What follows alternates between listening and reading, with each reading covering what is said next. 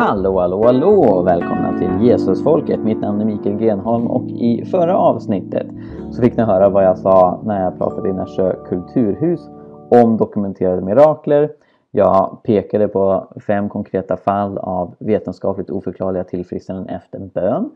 Eh, och därefter så argumenterade jag för att eh, dessa fenomen med allra största sannolikhet innebär att mirakler existerar. Det vi nu ska få höra på är den utfrågning som leddes av eh, läkaren och musikern Lars Mörlid som är något av en profil i Nässjö. Eh, han hade läst hela boken eh, och antecknat en massa. Han sa sen att det, det han väl liksom fick tillfälle att fråga och kommentera från CM bara var en ytterst liten del av det han hade tänkt fråga mig om. Um, och jag sa förstås att du kan göra liksom mer, mer kontakt via mail och sådär om, om det är fler saker du funderar på. Men det blev riktigt bra och det var också väldigt bra frågor från publiken. Faktum är att eh, folk reagerade på att jag hela tiden sa väldigt bra fråga eh, till att det liksom blev någon slags running joke kring det där. Eh, men alltså, det var inte något som jag sa bara av artighet. Jag tyckte att det var väldigt bra frågor som de ställde. Som verkligen ja, men berikade allt det jag hade sagt tidigare och, och jag fick då tillfälle att, att uh, utveckla mycket mer. Eh, och ja, men Det kändes verkligen riktigt bra som att alla, både troende och icke-troende, fick saker att eh, fundera på och tänka djupare kring. Efteråt så var det också jättemånga som kom fram och, och sa att de verkligen hade blivit berikade av det här. Eh, vilket förstås är liksom hela poängen med att göra något sånt. Eh, så ja, det, det, var verkligen roligt och eh, innan vi sätter igång så vill jag bara förstås säga om du skulle vilja att jag kommer att prata om det här eh, i ditt lokala sammanhang så gör jag jättegärna det. Det är bara att ta kontakt eh, med mig eh, via hela pingsten kontakt, helapingsten.com kontakt Ehm, eller bara söker på mitt namn. Jag är ganska lätt att hitta på internet. Eh, så, så säg gärna till. För jag älskar att göra sånt här. Inte minst när det är en mer sekulär arena och liksom man får nå ut till alla sorters människor, inte bara kristna. Men jag kommer förstås jättegärna också till kyrkor om det är enklare att fixa. Eh, så med det sagt så kommer här då del två av dokumenterade mirakler på Nässjö kulturhus. Du, nu har du vid din sida en korkad läkare. Jaså? Men jag har sett en som är ännu mer korkad här på plattformen. Nej, inte korkad, utan väldigt eh, förnuftig på många sätt. Eh, han har tagit det här på allvar, att man inte ska sova när man föreläser. Ja. Han rör sig ständigt. Vet ni hur många steg Mikael har tagit? Ungefär 1400. Tack! Omöjligt att somna när man går så pass mycket intensivt och så fantastiskt intressant. Men för att inte du heller ska somna som inte har tagit ett enda steg så reser vi oss upp och du är att gratulera om du till och med kan stå på ett ben.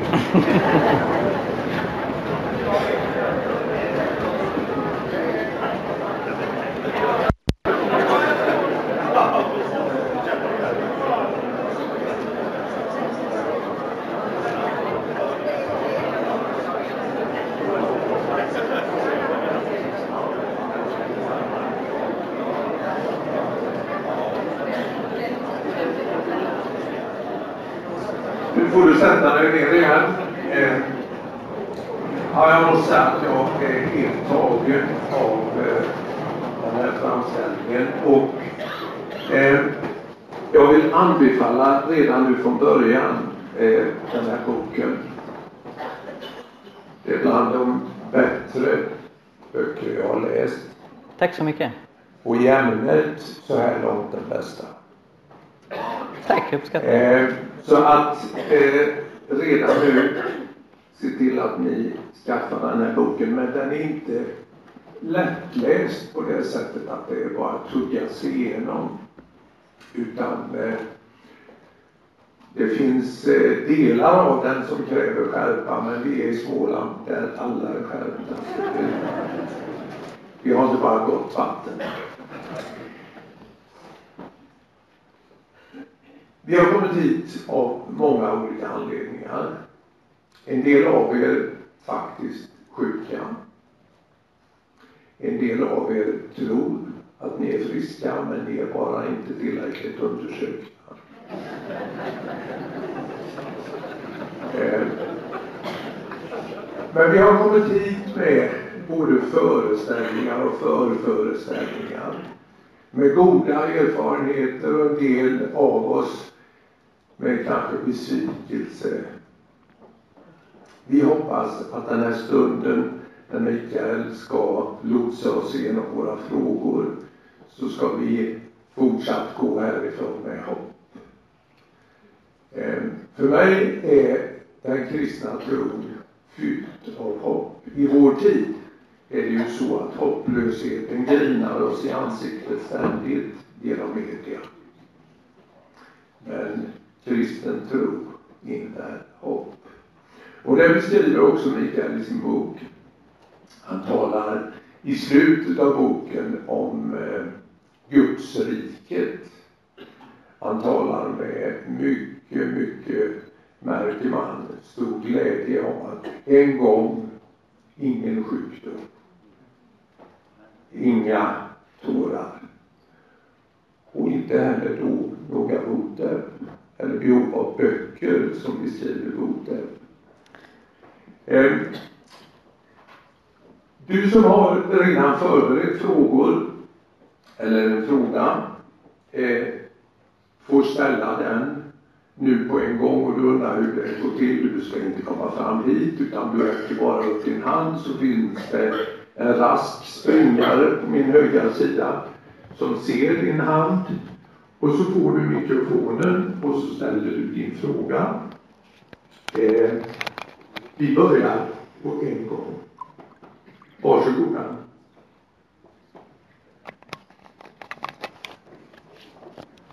Så här brukar det vara. Här har vi en. Du har redan hittat en där nere, får vi inte glömma dig i mitten här. Jag undrar om eh, mirakel även finns när det gäller eh, trasiga själar eller om det bara är fysiska sjukdomar. Har du hittat någon sån exempel? Tack. Mycket bra fråga. Det jag har fokuserat på i min bok är att försöka visa för någon som tvivlar eller är skeptisk på miraklers existens att det här är någonting som faktiskt finns. Och för att kunna visa det på ett effektivt sätt så har jag velat begränsa mig väldigt mycket. Så jag begränsade mig till fysiska sjukdomar för att på ett tydligt sätt kunna hänvisa till läkarjournaler där läkare säger att här ser vi ingen vetenskaplig förklaring.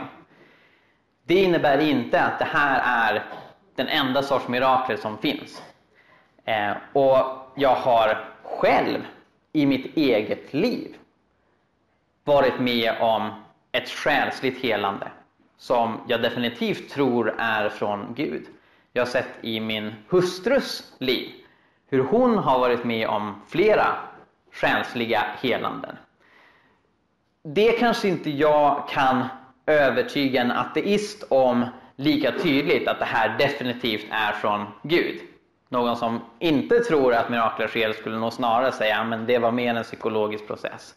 Eh, men av flera olika anledningar, på grund av att det skedde i samband med eh, både bön och också som vi upplevde det tilltal från Gud att ta tag i våra själsliga sår, så tror jag definitivt att Gud var med och botade det. Eh, så det Bibeln betonar, nu blir jag pastoral här, men det är en, teologisk fråga du ställer. Eh, Bibeln betonar att vi är kropp och själ och ande. Och det är en integrerad helhet som påverkar varandra. Och det man har börjat upptäcka mer och mer i den moderna läkarvetenskapen, psykosomatiska effekter, hur kropp och själ påverkar varandra. Och det har den kristna kyrkan betonat i tusentals år. På grund av det så finns det helande som kanske inte handlar så jättemycket om kroppen, men desto mer om inre sår. Eh, och det är definitivt också ett område där det mirakulösa verkar. Då har jag en eh, fråga. Väldigt bra att du ställer den frågan. Ja. Eh, ber man på ett annat sätt för helande när det exempelvis gäller en eh, ångestsjukdom, depression, än när man ber för en som eh, har en tumörsjukdom eller astma? Som du har beskrivit. Väldigt bra fråga. Ehm, min erfarenhet är att ja, man kan nog be på andra sätt. Ehm, och många gånger så kan många också vara ovana vid att ens betrakta psykisk ohälsa som ohälsa. Det, det, kan finnas en större risk att man liksom lägger bördor på den sjuka, säger ryck upp dig eller skärp dig och, och så liknande. Eh, och på bönens område så kan det också vara så att en person som har en väldigt tydlig kroppslig sjukdom, sitter i rullstol, går på kryckor, kan ibland upplevas bli översköljd av folk som ber. Och, och de har goda intentioner, men det kan bli väldigt intensivt och ibland kan det till och med vara så att folk sätter igång och ber utan att man har fått en tillåtelse. Medan då andra kan gå omkring med väldigt djupa depressioner, väldigt djup psykisk ohälsa, men i och med att det inte alltid syns utåt så är det inte lika lätt att andra tar initiativet till att be. Så där behövs det en medvetenhet hos de som tror på bön, att inte bara titta på det yttre, utan att försöka urskilja vad som kan finnas på insidan. Tack. Här har vi en frågeställning.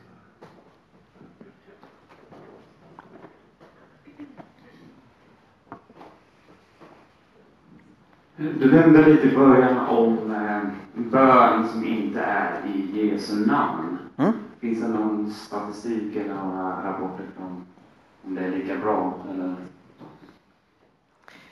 Väldigt bra fråga. Eh, jag har nog inte sett en studie på det sättet. Ehm, I synnerhet inte när det gäller liksom effektivitet genom bön och liknande. För att bönestudier överhuvudtaget är kontroversiella och svåra att ta sig igenom den akademiska världen. Ehm, det man har brukat titta på i komparativa religionsstudier som det heter, jämförande religionsstudier, det är mer uttryckssätt, liksom hur man gör när man ber, snarare än vad som faktiskt sker. Det har börjat ske ett genombrott när det gäller att öppna upp sig för eh, tanken att det övernaturliga faktiskt kan finnas inom antropologin. Kulturantropologin, när man åker till en folkgrupp som kanske inte haft så mycket interaktion med omvärlden och så försöker man studera hur de fungerar. Faktum är att det har kommit fler och fler fall när västerländska forskare som inte haft någon tro själva åker till någon animistisk grupp och så ser de att här finns det någonting som faktiskt fungerar på riktigt. Och så förutom då att de då publicerar det i vetenskapliga journaler så går de själva och blir shamaner och liknande. Eh, och, och, det är ganska intressant hur naturalismen på det området har börjat krackelera. Men sen så tycker man också kunna se i beskrivningarna från dem, men även från människor som jag har träffat som haft ett förflutet i saker som animism, okkultism, new age och så vidare, att det är en annan typ av andlighet. Jag, jag kan inte se en, en särskilt tydlig likhet mellan det jag är van vid i kyrkliga sammanhang och en sån typ av healingkult. Eh, utan det är ganska drastiska skillnader väldigt ofta. Inte minst därför att andligheten beskrivs, även av de som tillhör den, som mer förtryckande. Eh, och, och, Det är inte så mycket liksom en kärleksfull relation som vi skulle uttrycka i kyrkan, eh, utan det handlar mer om ett maktförhållande mellan andliga varelser som kanske utlovar lite healing, men sen så kommer det en hel del annat också som kan vara destruktivt. Eh, så jag rekommenderar verkligen inte att man går till eh, sådana typer av sammanhang och söker healing där, utan jag rekommenderar Jesus. Eh, dels för att min erfarenhet att Jesus är mycket mer kraftfull än de här andra källorna, men också genuint god. Hans ande är den heliga ande. Och ja, därför så förespråkar jag kristendomen snarare än någon annan religion. Men det sker mirakel. Ja, i och med att jag definierar mirakler som övernaturliga händelser eh, så, så kan jag säga att ja, övernaturliga fenomen tycker jag väldigt tydligt finns även utanför den kristna sfären. Jag tror inte att det är samma källa. Jag tror inte att den kristna guden som också gör mirakler genom okultism. Utan det skulle jag hänvisa till andra andliga varelser än Gud. Eh, men jag har ingen anledning att förneka att det finns något övernaturligt där. Eh, utan jag tycker det är ganska tydligt att vi lever i en övernaturlig värld och det som är väldigt viktigt utifrån att vi lever i en sån värld, det är att just hitta den goda källan, den ursprungliga källan som är Gud själv. Och då en följdfråga när det gäller den goda källan. Om vi tittar på kristendomen så kan vi lite förenklat dela in den i katolicism och protestantism. Och eh, av eh, tradition så har ju den katolska kyrkan, och det beskriver du mycket noggrant och väldigt fint i din bok, eh, haft en eh, tro på mirakler eh, rakt igenom. Och möjligen en ännu större tro än vad som förekommer i den protestantiska kyrkan. Men är det någon skillnad i sättet att redovisa mirakler eller att se på mirakler bland katoliker och protestanter? Väldigt bra fråga. Eh, Allting är väldigt bra frågor. det var ju en bra fråga. Ni skrattar åt mig. Var det någon som tyckte det var en dålig fråga? Nej men verkligen, här har jag själv blivit eh, utmanad. Eh, jag är evangelisk pastor eh, och eh, är rätt så övertygad om, om att min tolkning av kristendomen är den rätta. Inte för att jag menar mig vara allvetande, men om jag trodde att jag hade fel, då skulle jag ändra mig. Eh, så, så jag till exempel eh, tycker att katolska kyrkan tänker rätt i vissa frågor och tänker fel i andra. Jag tror till exempel inte att man ska be till helgon som man gör ofta i katolska sammanhang, utan att man ska be till Gud. Sen kan jag inte förneka att det sker saker i katolska sammanhang som är genuint övernaturliga. Bland annat för att de i över 500 år har haft som kriterium att ta hjälp av läkare innan de säger att ett mirakulöst helande har ägt rum. Eh, så man har i Vatikanens arkiv mängder med journalförda helanden eh, som är än bättre dokumenterade än vad jag lyckas återkomma med min bok. Och jag har med några katolska exempel också från den traditionen. Då det är lite utmanande därför att en hel del av det här kan ju ske i samband med att man riktar en bön till jungfru Maria och så vidare. Och så sker det något som är övernaturligt. Och då är det vissa evangeliska kristna, som jag själv, som skulle säga ja men då är det demoniskt. Eh, då kan det inte handla om ett Guds mirakel för att Gud tycker ju förstås inte heller att man ska be till helgon. Och så tänkte jag nog lättare förr. Och jag tror att ibland, i synnerhet i folklig religiositet, i Latinamerika och så vidare, så glider helgonkulten eh, över till genuin helgondyrkan, att man ber till de här helgonen som en gud. Men sen har jag också förstått utifrån liksom katolska vänner och teologer som jag interagerat med, bland annat en katolsk läkare som heter Bengt Malmgren som har skrivit en rekommendation för boken, att de ser det inte som bön till helgon i, i, i termer av att be som till Gud, utan de ser det snarare som att be en medmänniska om förbön, bara att de tänker att den här medmänniskan befinner sig i himlen. Nå, det jag har landat i jag tror fortfarande inte att det stämmer. Och jag tror inte att det är något man kan göra eller ska göra. Men jag tror att Gud kan ha överseende med teologiska felaktigheter när han i sin kärlek vill nå ut till människor som genuint desperat ropar ut till honom. Precis som att jag tror att det finns många i min egen folla av den protestantiska kristenheten som ibland har märkliga idéer om Gud och hur man ska be och allt möjligt. Men om Gud skulle kräva perfekt teologi av oss när vi ber, då skulle vi nog inte se så många bönesvar. Eh, så jag tänker nog snarare att ja, det sker övernaturliga saker inom katolska kyrkan och jag tror att flera av dem är Guds mirakler. Däremot så tror jag inte att det är att Gud sätter sin stämpel och säger att katolska kyrkan har perfekt teologi. Eh, utan jag tror snarare att Gud kan verka i olika kristna sammanhang för att han vänder sig till dem som verkligen i sitt hjärta tror på Jesus. Och det vet jag att många katoliker har en varm genuin tro på Jesus eh, och därför så tror jag att de har kontakt med Gud av den anledningen. Ja. Ytterligare någon fråga? Eller många frågor? Vi har tid.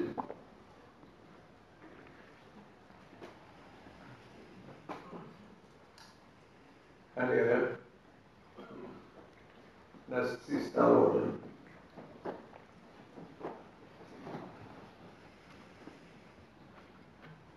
Eh, Gud delar hela hur han vill förstås och av vilken anledning och så vidare. Men eh, Ja, men han är muslim förstår du. Och eh, då säger jag så här, men eh, Jesus kan ju hjälpa. Och då spottar han och fräser och säger att det kan han ju absolut inte göra.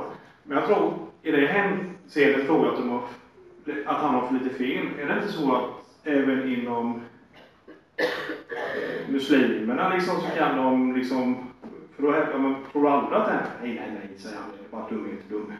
Så. Men finns det inte i alla fall någon falang då där de tror på helande också, även muslimerna så att säga? Annars är det ju inte mycket mirakel i, man hör ju inte om och det är ju ingenting på det viset och så vidare. Men, finns det några, någon falang eller någon som ber och tror på mirakel och har upplevt det? Bra fråga. Eh, Jag har försökt i ett av kapitlerna eh, att göra en skissartad sammanställning av eh, hur det förhåller sig med mirakler i olika religiösa traditioner. Och den är skissartad därför att det har inte varit bokens fokus. Och för att göra den frågan rättvisa så behövs ett ännu större arbete som någon annan eller jag i framtiden ägnar sig åt. Men jag har försökt utifrån den kunskap jag har tillförskaffat mig om olika religioner sammanfatta hur det förhåller sig just med frågan om mirakler.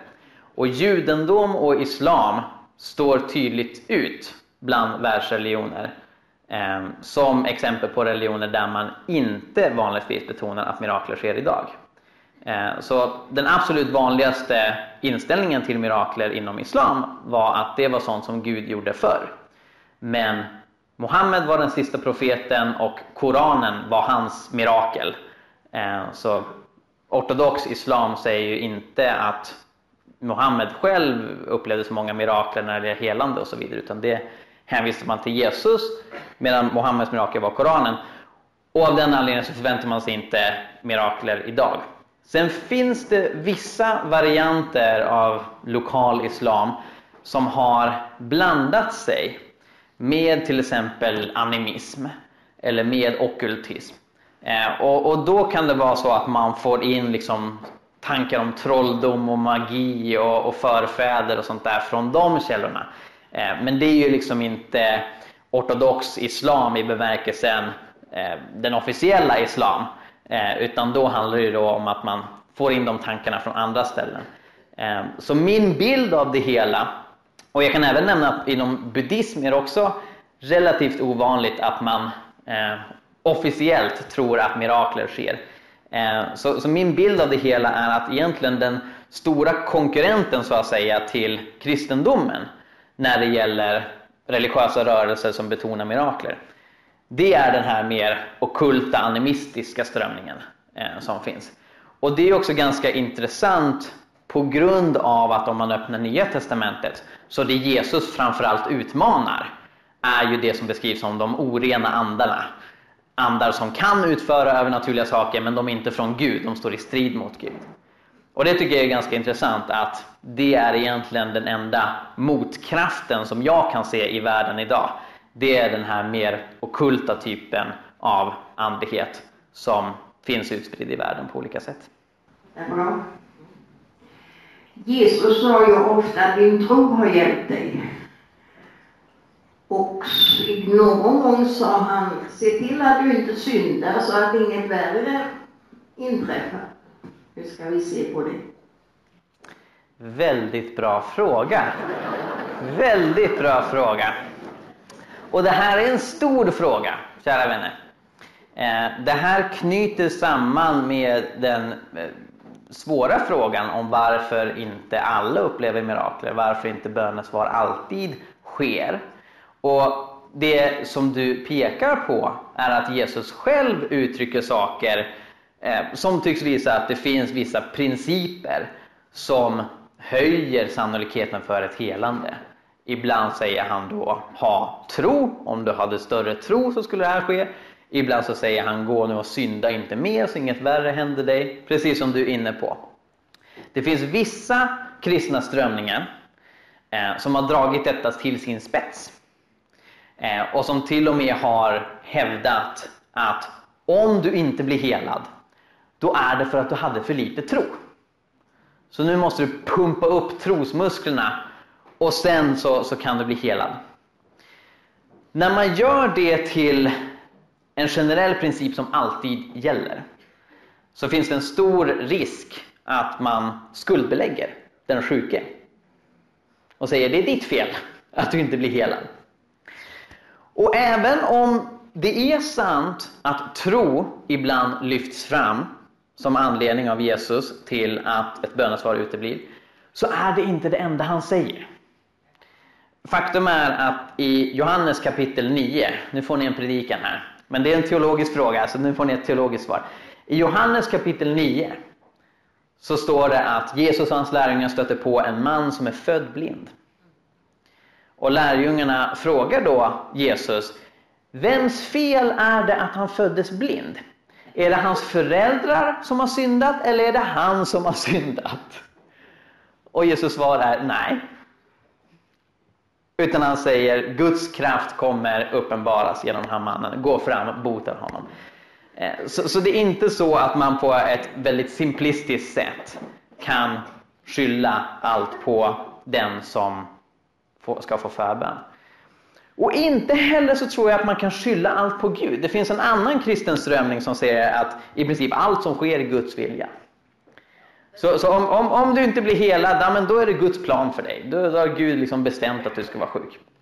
Och återigen så, ja men det kanske finns någon princip av att ibland lär vi oss saker, ibland växer vi genom svårigheter och lidande. Jobs bok är inne på det här, liksom, hur, hur lidandet, liksom, vad lidandet har för roll och mening och så vidare. Eh, men återigen så tror jag också att det blir väldigt svårt att driva detta till sin spets. Inte minst för att det sker väldigt mycket i världen som jag har otroligt svårt att säga att det här var det Gud ville. Eh, och jag tycker inte heller att Bibeln porträtterar den bilden utan Bibeln beskriver världen som ett andligt slagfält där Gud och Guds rike finns men det finns också onda krafter som Gud strider mot och det här tar sig till uttryck på olika sätt.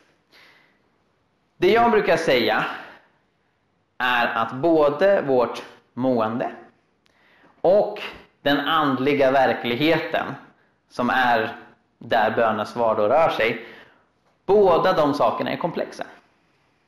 Vårt mående är komplext, den andliga verkligheten är komplex. Så det är väldigt svårt att förklara varför individ A och inte individ B blev helad. Det går att urskilja olika principer, som att det är bra med tro. Det är bra att förlåta andra. Det, det är bra att, att göra gott och det är bra att liksom växa i sitt lärjungaskap till Jesus. Så det finns sådana olika principer men det är väldigt svårt att i ett enskilt fall reducera det uteblivna bönesvaret till att i det här fallet handlar det precis om det här. Vi behöver också vara medvetna om att vi är begränsade i vad vi kan förstå. Och här pratar vi om något av det största som man kan tänka sig, nämligen Guds handlande med världen.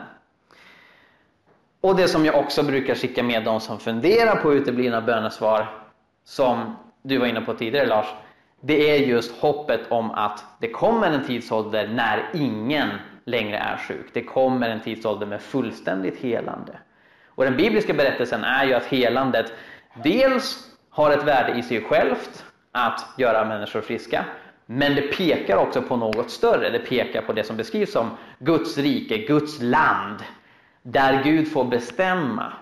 Och det är någonting som finns här och nu, men inte helt och fullt än så länge. Utan det är det bibliska hoppet om en ny himmel och en ny jord.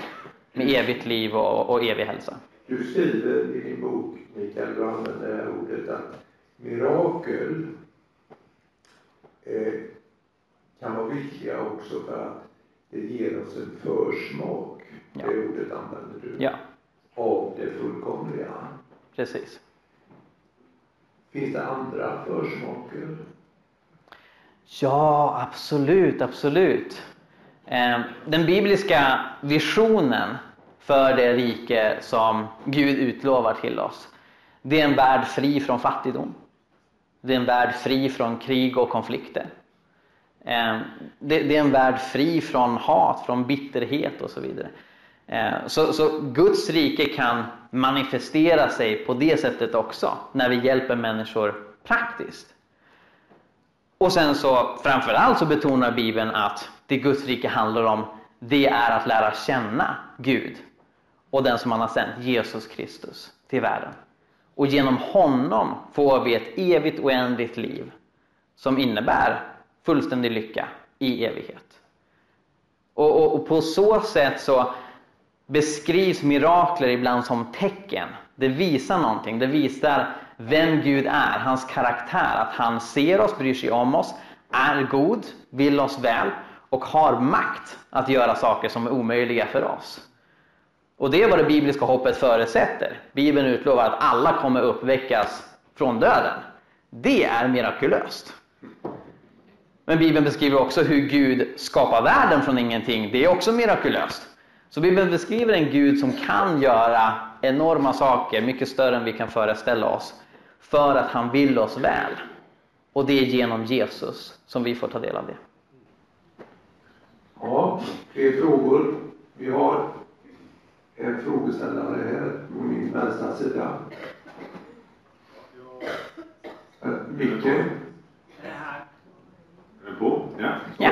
Eh, ja, jag hade egentligen samma fråga som eh, kvinnan här hade om, eh, om trosbevekelse. Men eh, jag kan ta en alternativ fråga då. Du som studerat Motep här nu. Hur reagerar omgivningen på, har du studerat det någonting? Alltså leder sådana här mirakel till att människor runt omkring får upp ögonen och börjar tänka och eh, tro? Eller blir alla bara skeptiska till det i alla fall? Mycket bra fråga. Eh, det var en bra eh, Jag har inte gjort ett liksom, systematiskt studium, jag har inte liksom, fört protokoll, men det är något som jag har frågat de allra flesta som jag har intervjuat. Hur reagerar omgivningen? Och svaret är i princip alltid eh, förvåning, glädje, chock, tro. Ehm, Sivert till exempel uttryckte hur en granne eh, hade sagt till en gemensam bekant jag, jag tror inte på Gud, men det är någonting som har hänt med Sivert. Ehm, Jens beskriver hur hans skeptiska familj har fått upp ögonen för tron på ett nytt sätt i och med det som hände med honom. Eh, Marias familj var redan troende men har blivit än mer stärkta i att berätta om det här för andra. Ehm, och Bengts tillfrisknande kände hela Flen till på grund av den personlighet som han var för kommunen. Ehm, så det får alltid ringa på vattnet. Ehm, och jag har inte stött på att det liksom skulle leda till mer skepticism eller liksom mer avståndstagande utan trenden är snarare att när sådana här saker sker så blir människor mer nyfikna på tron, mer nyfikna på bön, vill veta mer. Ja, det är jag igen här då. Jag vill ju faktiskt passa på att tacka för en fantastisk föreläsning. Jag kommer Tack. ihåg att ganska tidigt i, eh, på bilderna du visade så hade du en eh, undersökning av eh, 53 procent amerikanska läkare. rundgången. Ja. Och hur skulle det vara om du hade gjort en sån undersökning i Sverige med svenska läkare? Det är ju lite skillnad på vad jag förstår vi har ju tappat ganska många medlemmar i Svenska kyrkan och så vidare. Du sa att det var många troende med i Eken. Vågar jag säga nu att det där var en väldigt bra fråga? Eh, naturligtvis är det svårt att svara på vad en sån studie i Sverige skulle visa innan studien har ägt rum och mig veterligen har ingen gjort en sån studie. Men det är verkligen en bra fråga att ställa. Det jag har hittat är artiklar och kommentarer i Läkartidningen som är väldigt avståndstagande från bönestudier likt den Benson gjorde. Eh, de menar att det är slöseri på tid. Eh, en av dem, jag tror han heter Jörgen Malmqvist, en läkare, kommenterade en sån bönestudie och, och sa att vi får tacka vår lyckliga stjärna att vi inte håller på med sånt här i Sverige. Och notera då att det han tar avstånd från inte bara är tro att bön har någon effekt, utan han tar avstånd från att ens undersöka saken.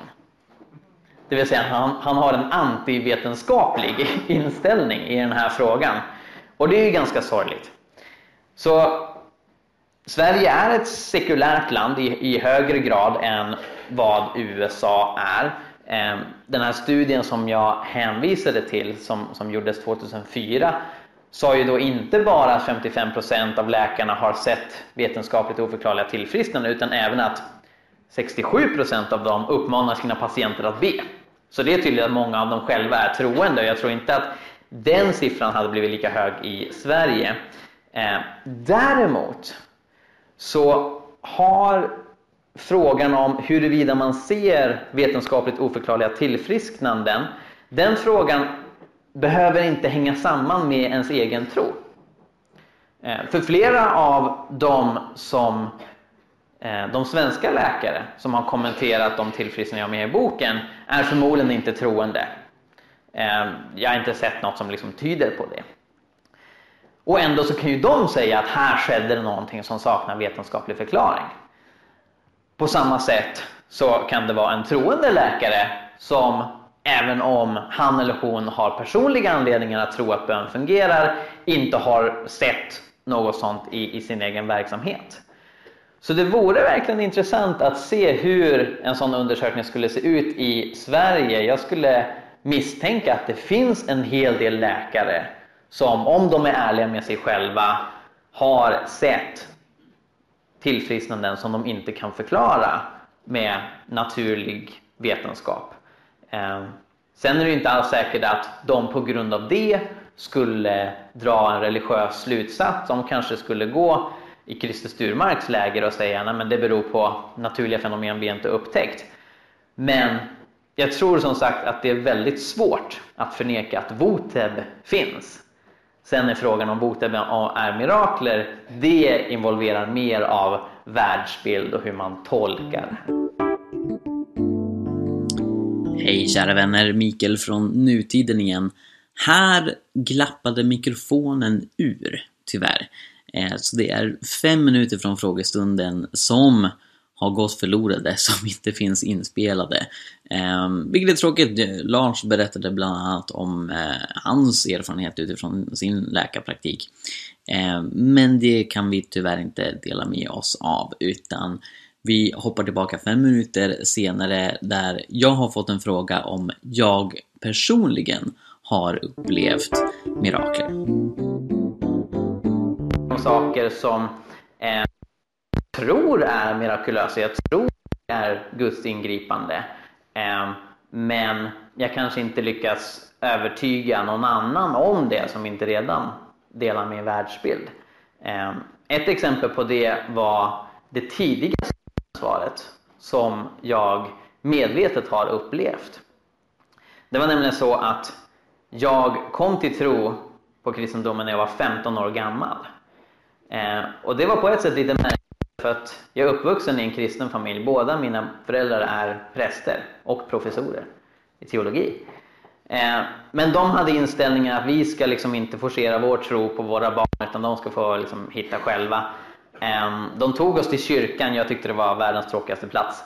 Ehm, och sen när jag var i yngre tonåren så trodde jag inte på Gud. Jag hade liksom exploderat Gud från min världsbild så jag var i praktiken en ateist. Sen gjorde jag inte det som någon slags rebellisk handling, jag uttryckte det inte, jag, jag kallar mig inte ateist, men Gud var inte del av min världsbild. Och sen när jag var 15 så insåg jag vad den ateistiska världsbilden innebär. Nämligen att allting kommer dö. Och det finns ingen återvändo och det finns inget hopp bortom graven. Eh, och det gav mig väldigt stark dödsångest. Eh, när jag hade en sån ångest så gick jag till kyrkan för jag skulle konfirmeras. Jag behövde kryssen från prästerna.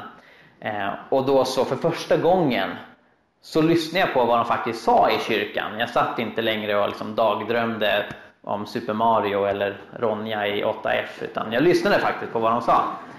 Eh, och det de sa var vi tror på de dödas uppståndelse och ett evigt liv. Jag tänkte, gör vi? det gjorde inte jag. Det gjorde att jag eh, började läsa Bibeln. Jag tänkte att det här är världens bästa budskap. Om det här är sant så är det värt allt. Men så tvivlar jag också, är det verkligen sant? Är det inte liksom en skickligt ihopdiktad saga, för bra för att vara sann?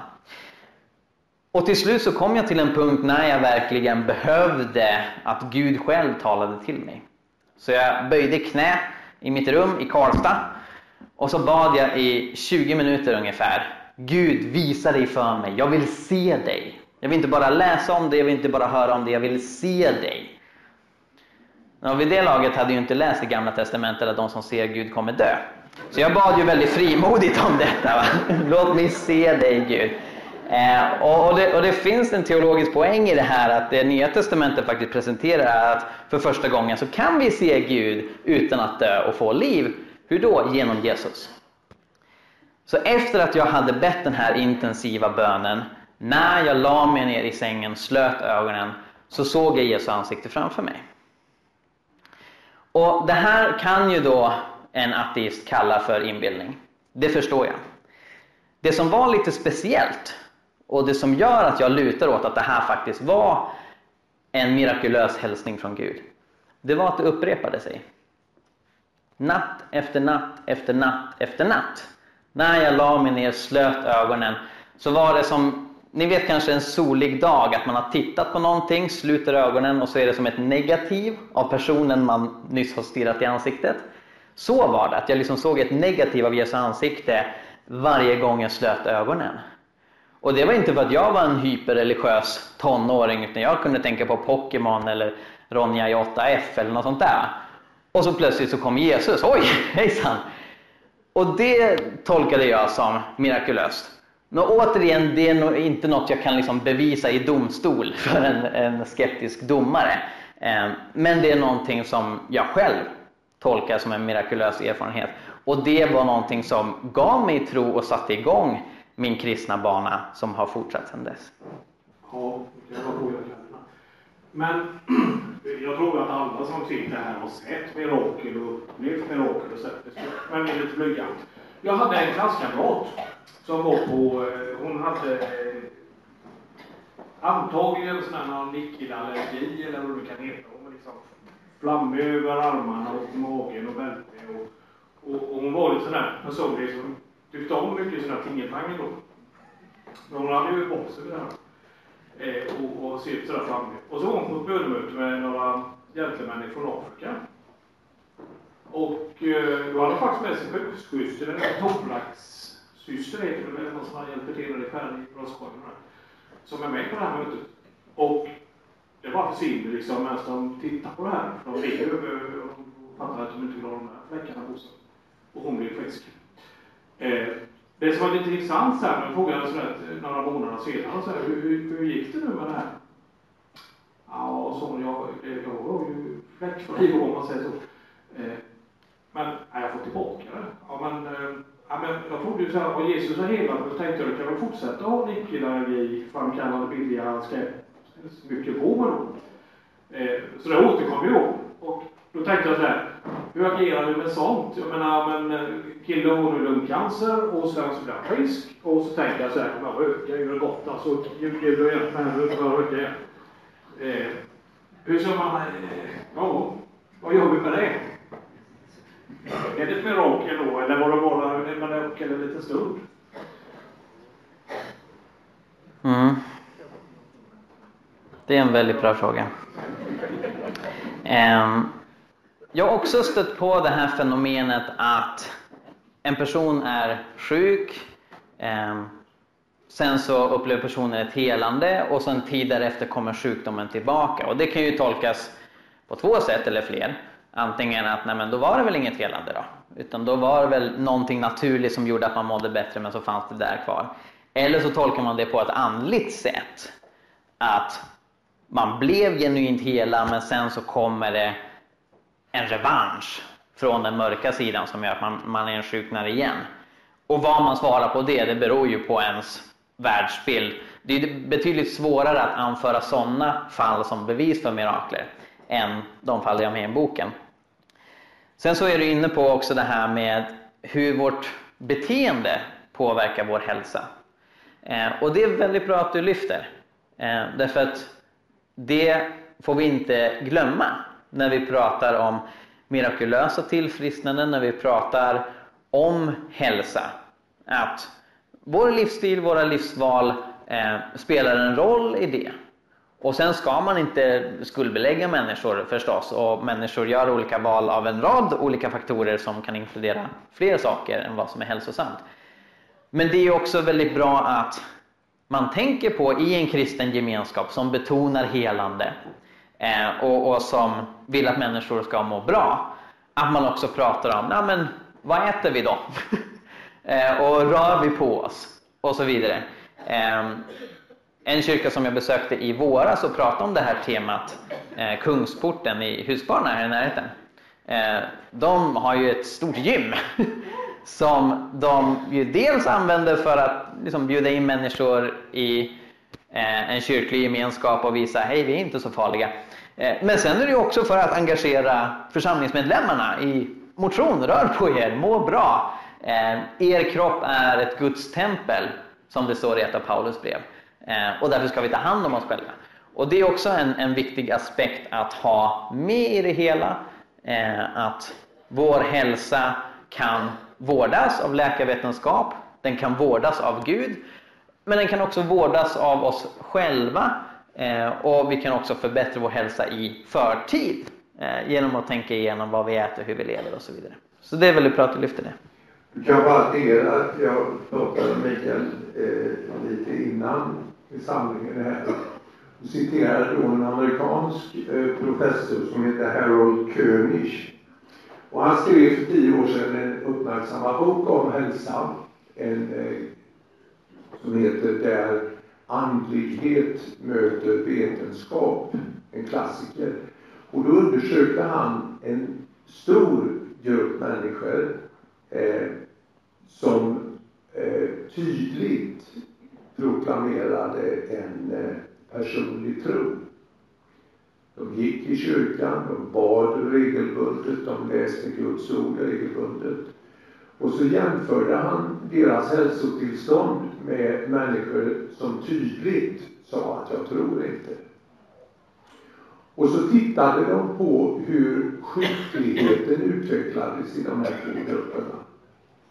Det här är sällan någonting som uppmärksammas i Sverige, i svensk press. Men eh, återigen, de här studierna om voter och många av Mikaels källor är från USA där öppenheten för andlighet eh, och kristendom i synnerhet är större. Men då beskriver Harold König eh, att människor som tror, som har en personlig tro på Gud, lever något längre.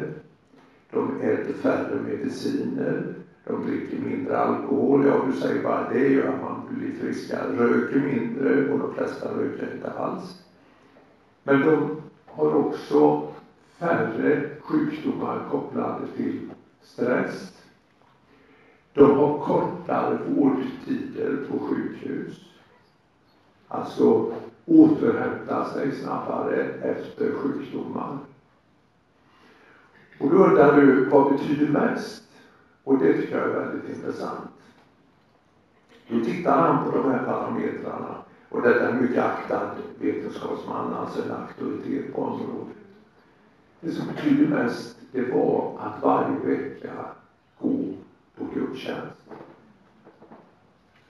Och där fick du ju också naturligtvis bönen, du fick gemenskapen med andra och så understryker han när det gäller bönen att be för andra. Mm. Och han använder ett ord, höjer din nivå av bön och gör någonting med dig själv och din hälsa. Det tycker jag är fantastiskt. Detta är vetenskap. Tack att du delar. Ja, ytterligare någon fråga till Mikael? Innan vi drar ihop det här. Jag vill säga till slut, Mikael, att eh, återigen att den här, den här boken är eh, nästan till heltäckande och det finns så många referenser. Alltså så många referenser till andra säkert jättebra böcker. Och det här är naturligtvis också en utmaning till kyrkan i Nässjö att ta det här på stort allvar. Så återigen, Mikael, tusen tack.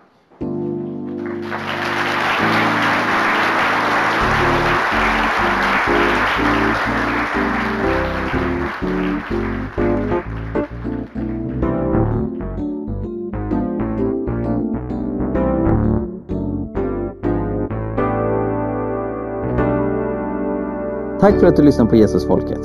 Om du vill höra mer så se till att prenumerera på iTunes eller valfri podcastapp.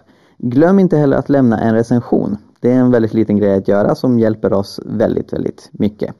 Kolla in vår blogg Hela Pingsten. Där finns det mängder med artiklar, videor och annat material om Guds rike, lärjungaskap, fred, rättvisa, evangelisation, andens gåvor och mycket mer. Och se till också att följa oss på Facebook, både Jesusfolket och Hela Pingsten har sidor där. Gud välsigne dig och fortsätt att fördjupa dig i vad det innebär att vara en del av Jesusfolket.